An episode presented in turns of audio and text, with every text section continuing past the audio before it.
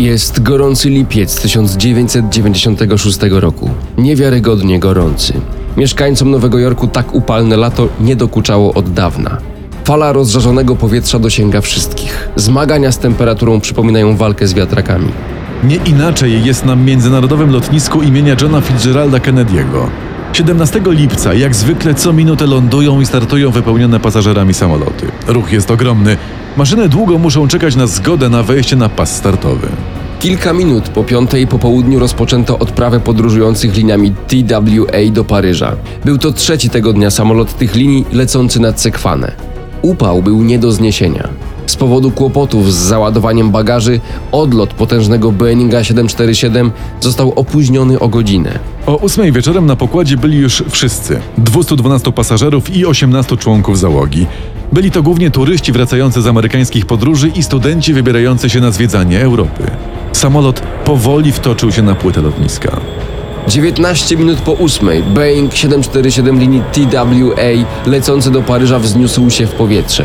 Zatoczył łuk nad Manhattanem i Brooklynem i skierował się na Boston. Pogoda była wyśmienita. Lot przez Atlantyk miał potrwać 7 godzin. Miał, ale nigdy tak się nie stało. Dwie minuty po wpół do dziewiątej kapitan samolotu linii Eastwind, przylatującego nad wyspą Long Island, nadał przerażający komunikat. Właśnie widzieliśmy eksplozję nad nami na wysokości około 5 kilometrów czy coś takiego. Coś wybuchło w powietrzu i wtedy zobaczyliśmy dwie ogromne ogniste kule, które poleciały do wody. Tam było pełno dymu. Było widać jaskrawe światło. To wszystko działo się tak blisko nas. I to wszystko wybuchło. Centrum kontroli lotów na lotnisku Kennedy'ego wybuchła prawdziwa panika. Kolejny dramatyczny komunikat nadał pierwszy kapitan samolotu linii Virgin Atlantic. Na chwilę przed tym stracono kontakt z maszyną TWA lecącą do Paryża. Virgin 009, I'm sorry, your transmission is broken up. What's the- Mogę potwierdzić, że mieliśmy tu jakąś eksplozję 5-6 mil stąd. No tak, widzieliśmy jakiś wybuch. Jesteśmy cały czas na swojej pozycji.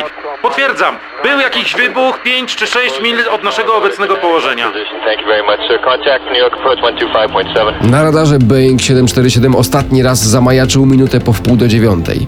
Był wtedy w odległości 30 km od Long Island. Było oczywiste, że wydarzyła się tragedia. Na miejsce, gdzie maszyna mogła spaść do oceanu, natychmiast wysłano ekipy ratunkowe. Już kilka godzin później nurkowie i ratownicy zaczęli znajdować pierwsze ciała ofiar. Woda na plaży Long Island wyrzucać poczęła resztki samolotu. Nie było żadnej szansy na to, że ktokolwiek z pokładu Boeinga 747 linii TWA mógł się uratować.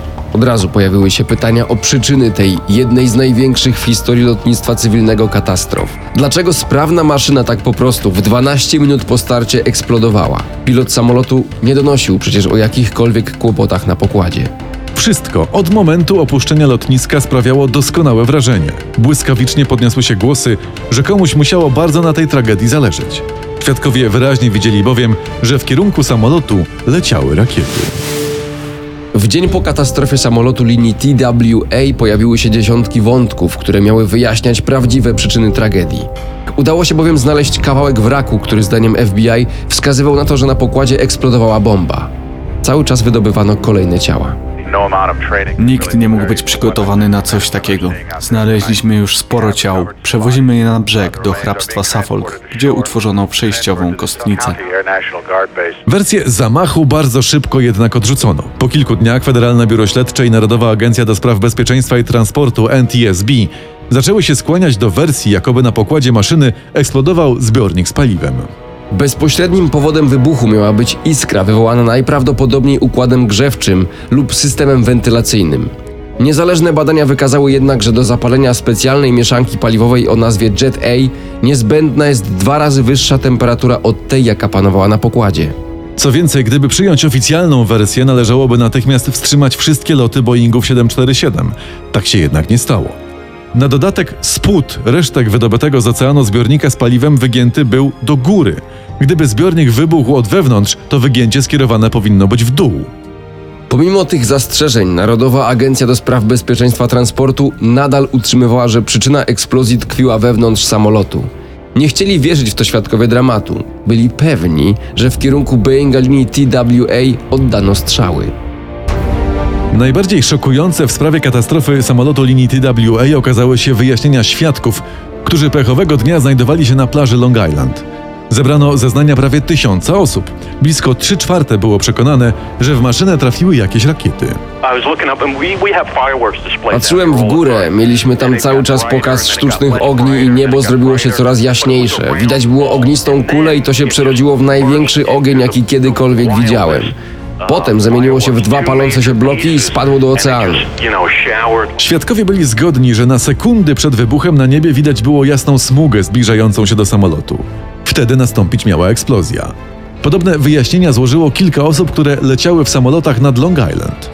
Na uwagę zasługują przede wszystkim obserwacje jednego z członków sztabu amerykańskiej marynarki wojennej, który w krytycznym momencie leciał 2 km nad samolotem TWA.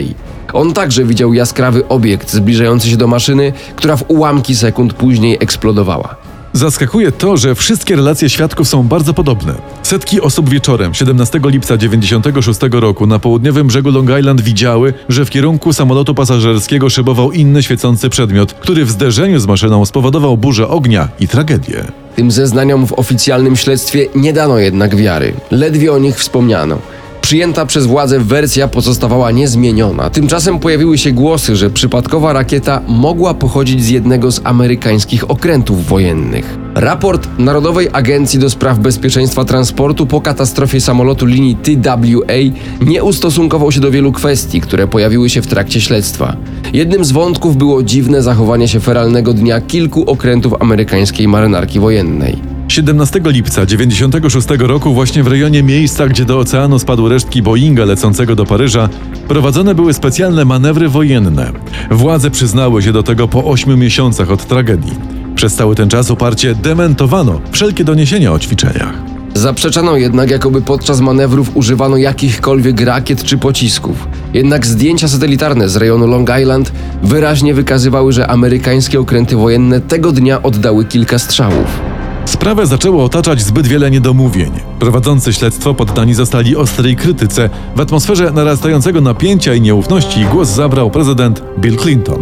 We do not know as of this moment what caused this tragedy. Tej chwili nie wiemy, co spowodowało tę tragedię. Rozpoczęliśmy szczegółowe i gruntowne dochodzenie. Z pewnością znajdziemy tę przyczynę. Jednak w tej chwili apeluję do narodu o zachowanie spokoju i nie wyciąganie żadnych konkluzji. I proszę o modlitwę razem z rodzinami ofiar tej tragedii. Od samego początku media podtrzymywały jednak możliwość, że wybuch mógł zostać spowodowany przez rakietę Stinger, wystrzeloną z łodzi znajdującej się przy brzegach Long Island. Podobnego czynu był w stanie dokonać każdy.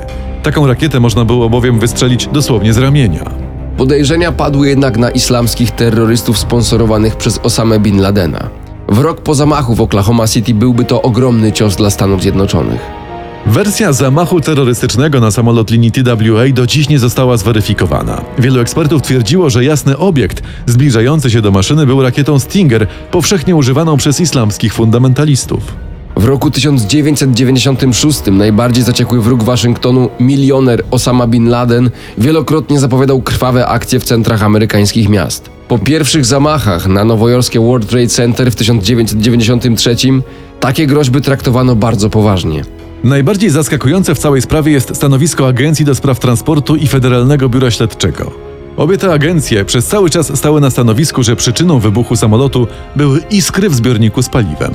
Pod naporem nie tylko krajowej, ale też międzynarodowej krytyki NTSB zapowiedziała rewizję dotychczasowego dochodzenia. Do tej pory nie przyniosło ono jednak żadnych konkretnych wyników. Dziwi więc zachowanie władz latem roku 96. Dlaczego odrzucono wersję zamachu na samolot linii TWA? Przecież prezydent Bill Clinton i wiceprezydent Al Gore zawsze zapowiadali ostrą reakcję na operację terrorystów. Ewentualny zamach mógł podkopać ich pozycję przed zbliżającymi się wyborami prezydenckimi, które odbyły się 4 miesiące po katastrofie. Jeszcze w lipcu 96 roku szanse Clintona na ponowne zwycięstwo wcale nie były pewne. Może ktoś stwierdził, że nie należy ich osłabiać. Katastrofy lotnicze zawsze wywoływały strach i przerażenie. Szok był tym większy, jeśli przyczyną tragedii były zamachy terrorystyczne. Sprawa Boeinga 747 linii TWA do dziś pozostaje niejasna i do dziś budzi wiele kontrowersji. Po latach śledztwa wiadomo jedynie, że śmierć poniosło 230 osób. Oficjalne wyjaśnienia przyczyn katastrofy przekonują nielicznych. Prawda razem z wrakiem samolotu spoczęła na dnie oceanu.